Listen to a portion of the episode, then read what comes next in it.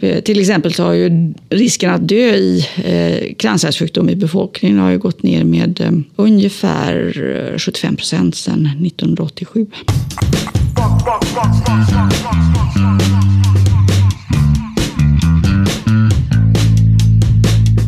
Hej och välkommen till Akademiliv igen. Eh, idag är det jag som heter Elin Lindström Klasen och min kollega Margareta Gustafsson Kubista. Mm, så är det. Så är det.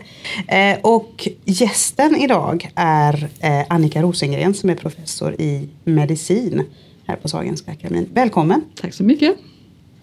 Eh, du forskar om hjärtat på befolkningsnivå. Vad innebär det i praktiken? Ja, det innebär att man tittar på hur hjärtsjukdomarna fördelar sig i befolkningen och varför man får hjärtsjukdomar och hur det ändrar sig. Och eh, om vi ser skillnader i mönster eh, och överlevnad, följdsjukdomar. Det är ganska brett. Hur går det till när man forskar epidemiologiskt på det här sättet?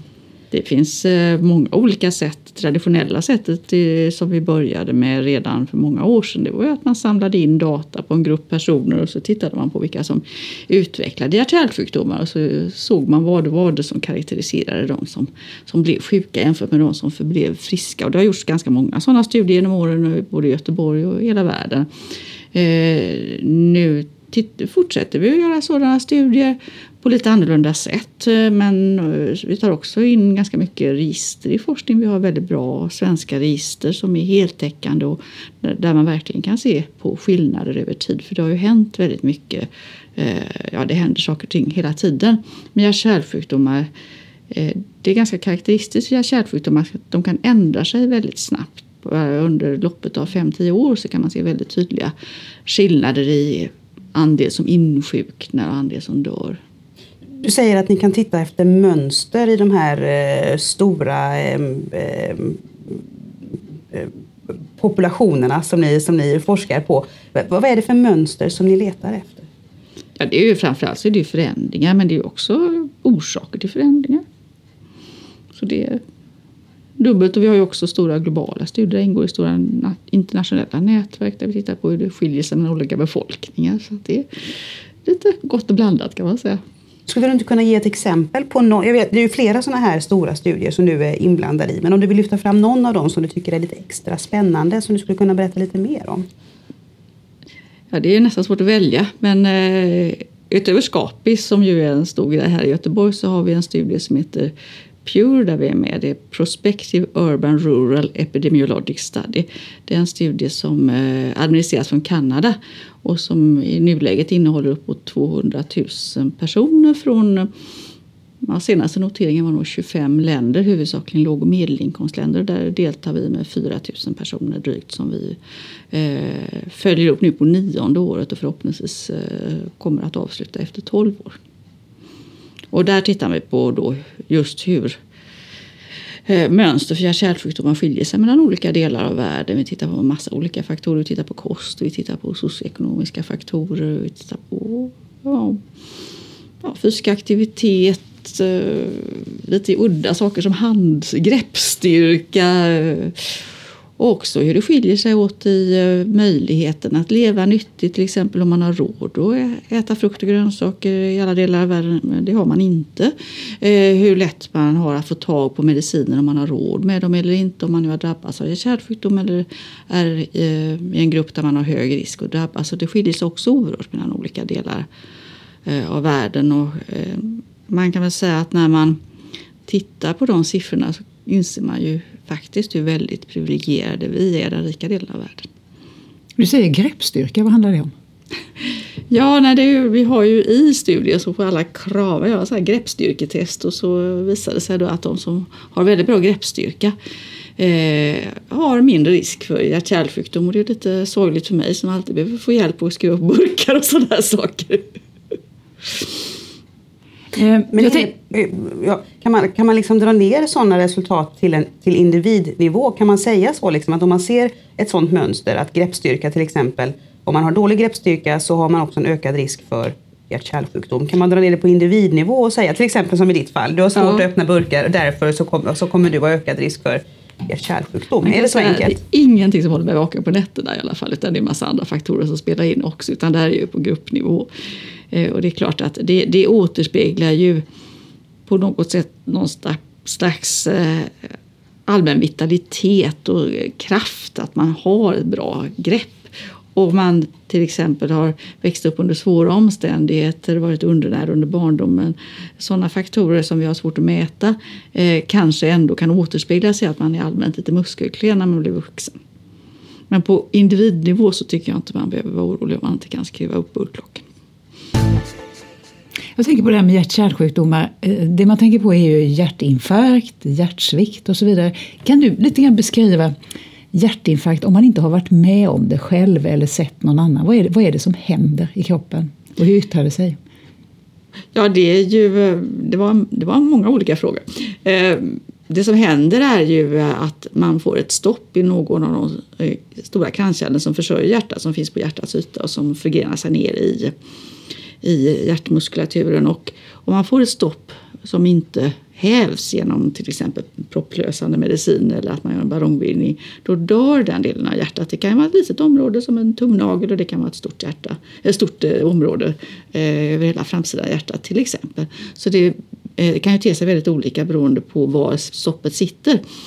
Eh, och eh, det som händer då, det som man märker det är att man får väldigt ont i bröstet. Men det kan också vara andra symptom. En del infarkter är också så kallade tysta infarkter. Man inte har så mycket symptom utan man kan konstatera det på olika sätt först efter. Alltså det, eh, kardinalsymptomet är ju bröstsmärta och det är det som alla känner till. Men det kan också te sig på en massa olika sätt. Eh, plötslig mattighet, kallsvett, eh, illamående, svimning, tungt att andas. Det är en rad olika symptom som man kan mm. ha.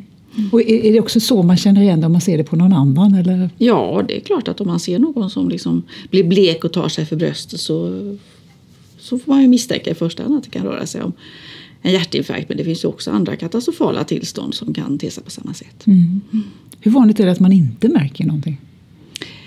Det är svårt att säga. Det får man ju i så fall konstatera på efteråt på olika sätt. Och, eh, det är nog vanligare än vad vi tror men exakta siffror är svårt att säga faktiskt. Mm, mm. Det beror lite grann på vilken befolkning man tittar. Eh, det, om man tittar på 70-åringar så får man ett annat svar än om man tittar på 50-åringar där det är väldigt ovanligt. Medan då hos 70, 80, 90-åringar så blir det vanligare ju äldre man är. Mm. Och hjärtsvikt då? Hur, hur yttrar sig det och vad, vad är det för kännetecken? Hjärtsvikt kan ibland ha en hjärtinfarkt som orsak men det finns också en massa olika eh, sjukdomar som kan leda till hjärtsvikt. Hjärtsvikt är en samlingsbeteckning på eh, ett tillstånd där hjärtat inte eh, hjärtats pumpförmåga kan vara påverkad på olika sätt. Dels kan det ha svårt att fylla sig för att det är för stelt. Eh, eller också kan det ha svårt att pumpa därför att hjärtmuskelväggen är för svagad. Och det kan vara resultatet av en massa saker. Det kan vara primära hjärtmuskelsjukdomar, det som vi kallar för kardiomyopati. Det kan vara hjärtinfarkt, en hjärtinfarkt, många småinfarkter. Eh, det kan vara kranskärlssjukdom som inte egentligen har gett hjärtinfarkt men som ger generellt dåligt blodflöde till hjärtat. Det kan vara eh, klaffsjukdomar.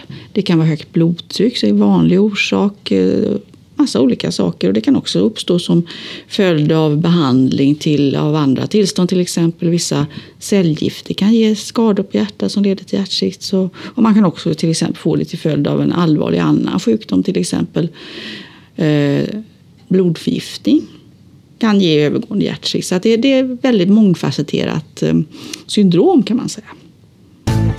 Du sa tidigare att ni, du tittar mycket på förändringar eh, i de här mönstren som ni letar efter på populationsnivå. Och det har ju faktiskt skett väldigt stora förändringar när det gäller hjärtinfarkt de senaste 30 åren. Ja, det kan man lugnt säga.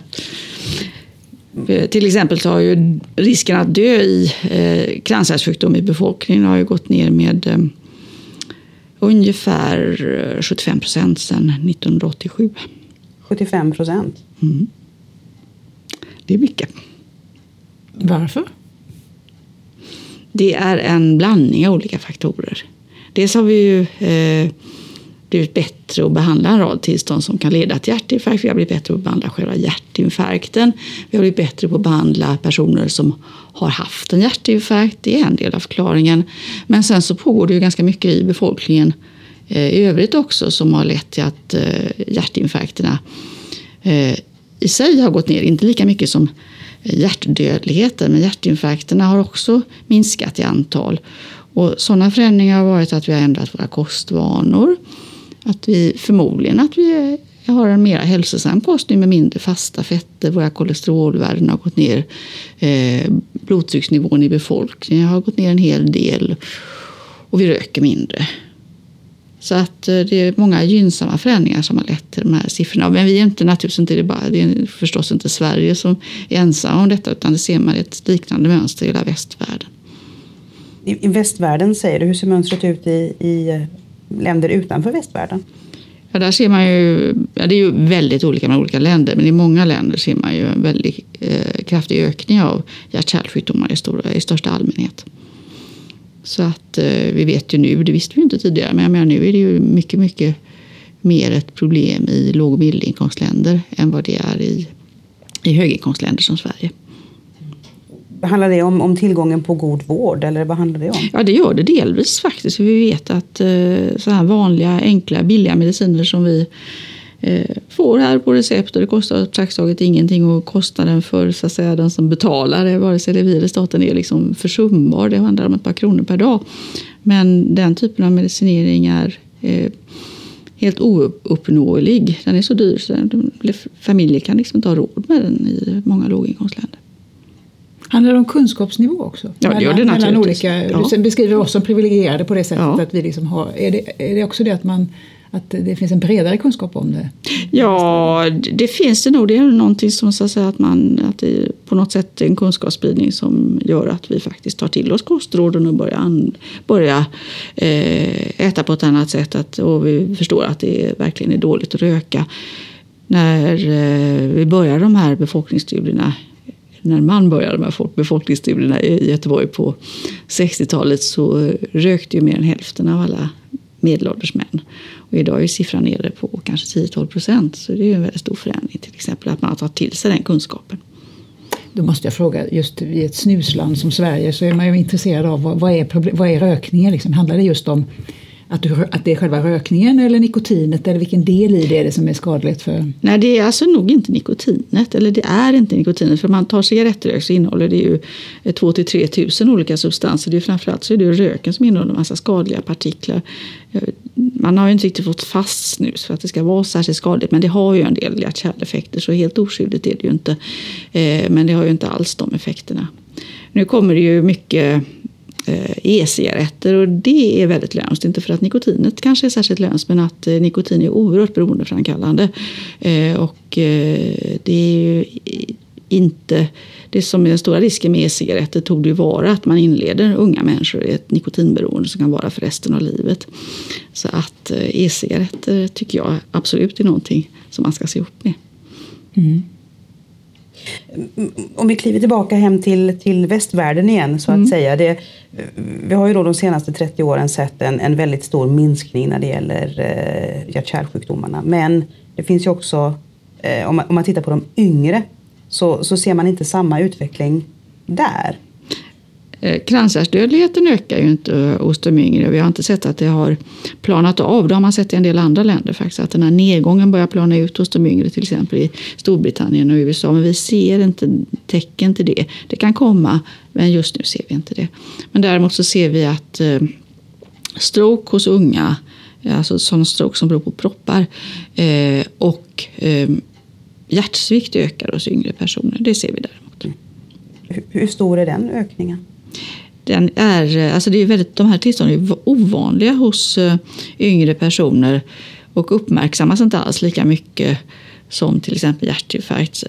Så att eh, man behöver ganska stora tal för att påvisa den typen av förändringar. När vi har tittat på det så har vi använt insjuknandet till hela Sverige som vi kan göra med hjälp av patient och dödsorsaksregistren. Och då kan vi se den här, det här att de som är ja, under 45, 50, 55 år, eh, där ökar risken.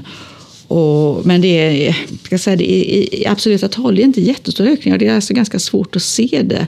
Men faktum är att eh, man noterade nog det även på kliniken att vi började se fler yngre med till exempel hjärtsvikt. Men det är en trend som går emot den allmänna trenden så att säga. Alltså när man det är en annan trend. Ja, precis. Det är en annan trend. Mm. Eh, och det är klart att eftersom Eh, vi tittar ju ganska mycket på riskfaktorer och man ser ju att riskfaktorläget ändrar sig i befolkningen med mycket, mycket lägre kolesterolvärden, mycket mindre rökning men istället då eh, mycket mer fetma även hos de unga. Och vi ser ju också att det är många, att det som ökar mest hos de yngre det är ju andelen med fetma och svår fetma. Medelvikten går upp också men det är framförallt att det är andelen med fetma ökar. Och speciellt då med de med sjuklig fetma som ju har väldigt hög risk att få till exempel hjärtsvikt. Mm. Och är det det som är den bakomliggande orsaken? Det är nog en ganska stor del av förklaringen men det kan ju finnas andra förklaringar också. Så att, vi har inte kunnat eh, ska säga, studera det så att vi kan säga absolut säkert att det beror på den ökade fetman. Men det är nog en ganska stor bov i dramat. Mm. Och det är egentligen vad man skulle kunna förvänta sig också när man får den här ökningen av en sjukdom som man vet är ganska starkt förknippad med fetma och diabetes. Så att, eh, att man ser den ökningen så, borde man, så skulle man kunna förvänta sig eh, att man får en ökning även av fetmaberoende tillstånd. Mm. Sambandet mellan fetma och död i cancersjukdom är inte alls lika entydigt och inte lika starkt. Det finns där men det är inte alls lika kraftigt. För eh, hjärtinfarkt och cancersjukdom så är ju eh, höga kolesterolvärden en mycket, mycket viktigare drivande faktor. Och det är någonting som man kan ta på så att dra ner på individnivå också. Så att om, om man är väldigt kraftigt överviktig så är de personerna löper liksom större risk. De löper större risk att få eh, framförallt hjärtsvikt. Ja. Och höga kolesterolvärden eh, de har ju gått ner i befolkningen som väl är men om man har höga kolesterolvärden så är det mycket enkelt och billigt att behandla det. Det räcker med ett litet piller eh, om det behöver behandlas. Men fetma är mycket, mycket svårare att behandla. Mm. Du har pratat om skillnader mellan länder och sådär. Om man tar i Sverige, i samhället mm. Sverige, vad, vad, finns det för skillnader då mellan olika grupper? Och... Eh, ja, det finns ju en ganska, ganska stora skillnader, både riskfaktorer och risken att insjukna mellan olika socioekonomiska grupper. Så att eh, om man, man lever i ett eh, område som med så säga, med låg socioekonomisk status eller om man är lågutbildad eller har låg inkomst överhuvudtaget. Eh, eh, ja, har problem så får man ytterligare problem i och med att man har lättare att få både diabetes, eh, hjärtsvikt och hjärtinfarkt. Och det vet vi ju sedan ganska lång tid tillbaka. Förr så tyckte man ju att hjärtinfarkt var en direktörssjuka men det, det är ju ett synsätt som man har övergett för väldigt många år sedan. Och, an, och, andra skillnader, finns det skillnader i geografi och sådär? Eller hur? hur tänker du geografi? Nej, men jag, och lite grann också där tänker jag, vad finns, det, finns det saker i den yttre miljön liksom, som, som, eh, som påverkar hur utsatt man är för detta? Det är många saker som samvarierar. Till exempel om man känner sig otrygg i ett område så kanske man inte kan ta en joggingrunda på kvällen eller ta en promenad eller röra sig överhuvudtaget. Man kanske blir mer stillasittande. Eh, kulturella skillnader där man eh, vill avgränsa kvinnors frihet på olika sätt kan ju dels för att det kan vara att man kan känna sig hotad som i centrala stan eller om man eh, inte anses ska gå ut som i andra delar av stan. Det kan göra att kvinnor till exempel har mindre möjlighet att röra på sig och det leder ju i sin tur till sämre hjärthälsa. Det låter ju som alltså man, om, om man nu ska arbeta för en bättre hjärthälsa på samhällsnivå så låter det ju som att det är ett, en utmaning för forskare tvärvetenskapligt sett. Alltså att man behöver många olika exper experter för att kunna liksom ta sig an den här frågan. Ja, det, så är det ju naturligtvis. Vi gräver ju allihopa i våra egna små trädgårdsland och försöker hitta olika samband. Så det är klart att det, men verkligheten är mycket mer komplex än så, det har du helt rätt. Finns det några sådana initiativ idag att, att samarbeta över de vetenskapliga gränserna? För att... Alltså I Pure-studien gör vi faktiskt det. Där kartlägger vi också eh, områdena där folk bor. Vi har, ju, Göteborg är en väldigt liten del av världen men vi gjorde för några år sedan någon sån här fotograf, fotograferingspromenad där eh, man gick en, eh, en kilometers sträcka och fotograferade vissa prespecificerade saker, till exempel hur det såg ut i affärerna och restauranger, reklam, tobaksreklam och hur miljön såg ut. Det har ju då gjorts i eh, flera länder ganska många länder i den här Pure-studien. Så, att så vidare så har vi ju, vi har ju en eh, vi har samlat in data som kommer att tillåta oss att göra den typen av analyser. Vi har redan tittat lite grann på tobaksreklam och sådana saker. Och vi, har ju, vi är inte jättebra på det här med att inte ha tobaksreklam. Det görs ganska mycket reklam framförallt för snus. Och, och vi har ju kvar texten på cigarettpaketen och sådana här saker. Så att, eh, vi är inte bäst i klassen.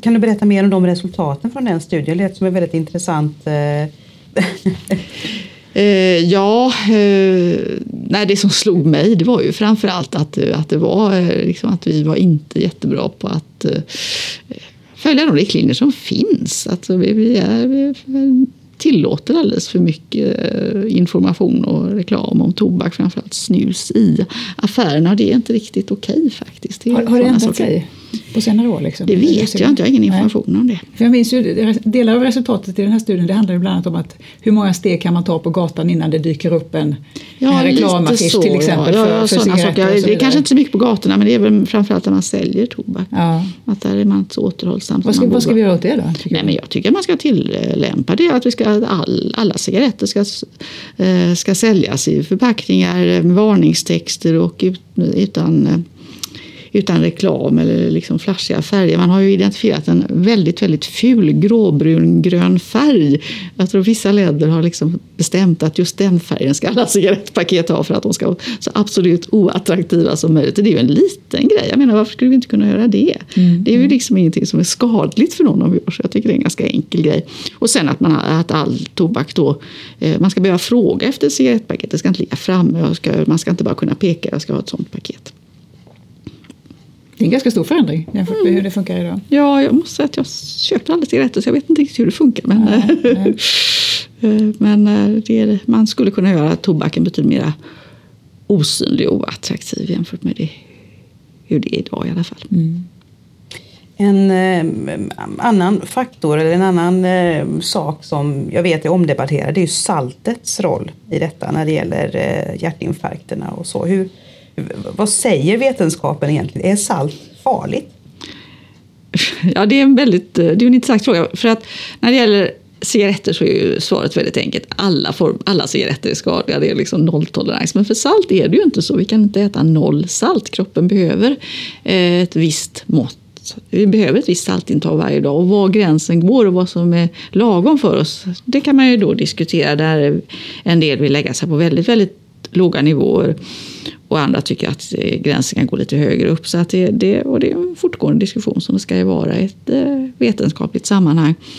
Eh, det som vi vet är ju att det finns ett väldigt entydigt och klart samband mellan hur mycket salt man äter och blodtryck. Men det är ett genomsnittligt samband så att en del människor kan äta väldigt mycket salt utan att få högt blodtryck medan andra är känsligare. Vi har en individuell saltkänslighet på befolkningsnivå så blir det ju så att om vi drar ner eh, saltkonsumtionen i befolkningen med ett par gram per dag så kommer vi få lägre blodtryck också. Det är rätt eh, säkert att det blir på det sättet.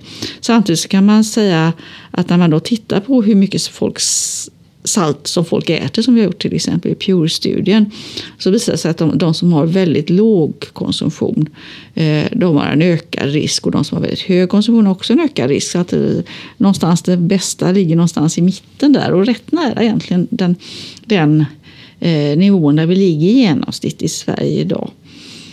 Så eh, det finns egentligen, som det ser ut så finns det ju ingen grund för att vi ska ha toklåga konsumtionsnivåer för då skulle vi behöva flytta eh, nivåerna ner till en, till en konsumtion där kanske en del skulle ha ökad risk.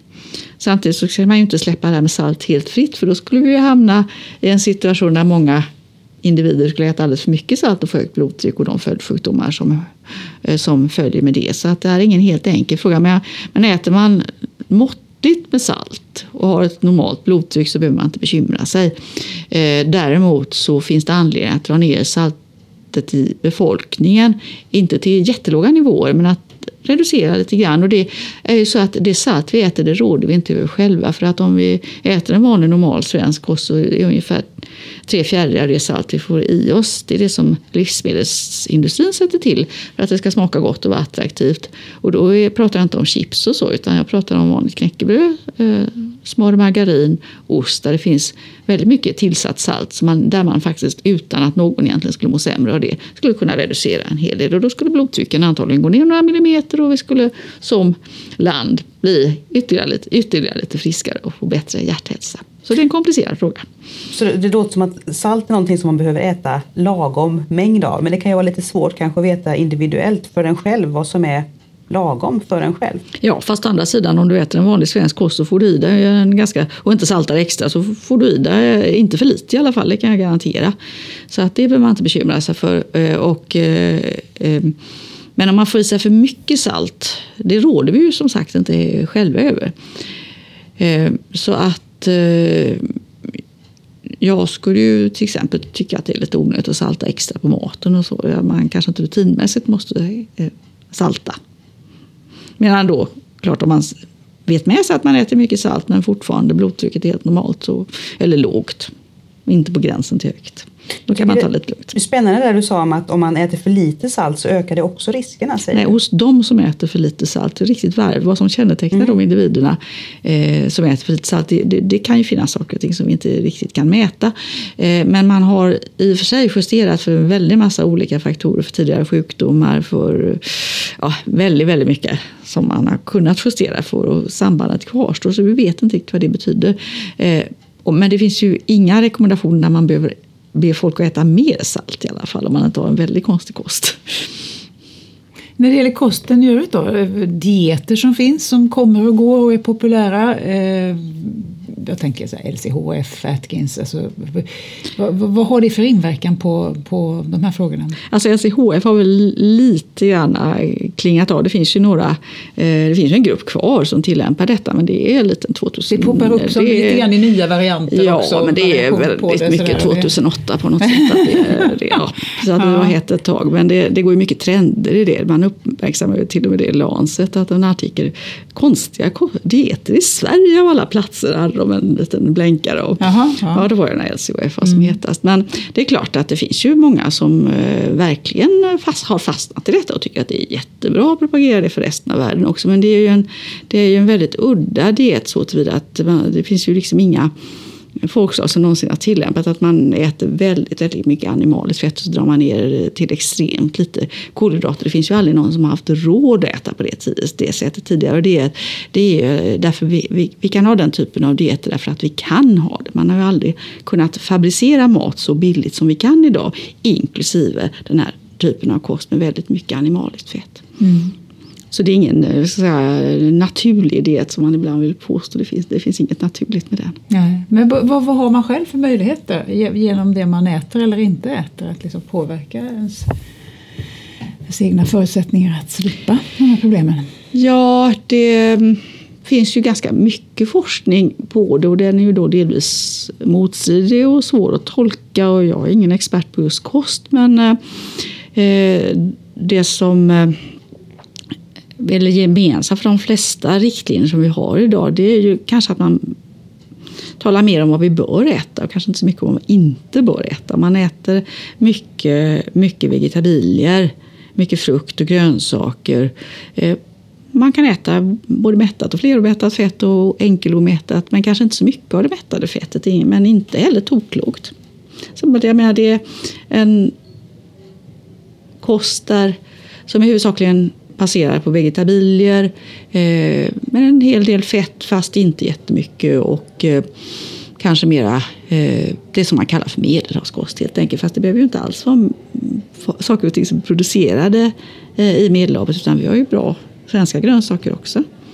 Så att de, och det är också så att om man äter mer av någonting så äter man mindre av någonting annat. Så äter man mycket grönsaker får stor del av, av sitt kaloriintag den vägen så blir det automatiskt lite mindre över.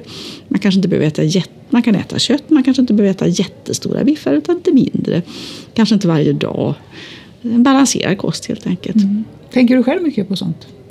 I relation till det här med risker för eh, hjärta, kärl och så vidare? Nej, ja, nej, det kan jag väl inte säga att jag gör egentligen. Men eh, det är klart att eh, jag eh, känner väl att det bästa för mig som person är väl att jag äter mycket, mycket grönsaker. Jag gissar att du inte röker också? Mm, nej, det var nog länge sedan jag tog min sista festdräkt cigarett. Ja. Annika Rosengren, det var jättetrevligt att ha dig här. Tack så mycket för att du kom. Ehm, det här var en podcast från eh, Sahlgrenska akademin vid Göteborgs universitet. Ehm, du hittar oss på Soundcloud bland annat och andra ställen där man hittar podcasts. Vi har en hel radda med intervjuer med forskare som finns här hos oss på Sahlgrenska akademin. Ehm, och eh, vill du kontakta oss, eh, fråga oss något, tipsa om något, då kan du mejla till akademiliv gu.se. Hej då! Hej hej! Fuck, fuck, fuck, fuck.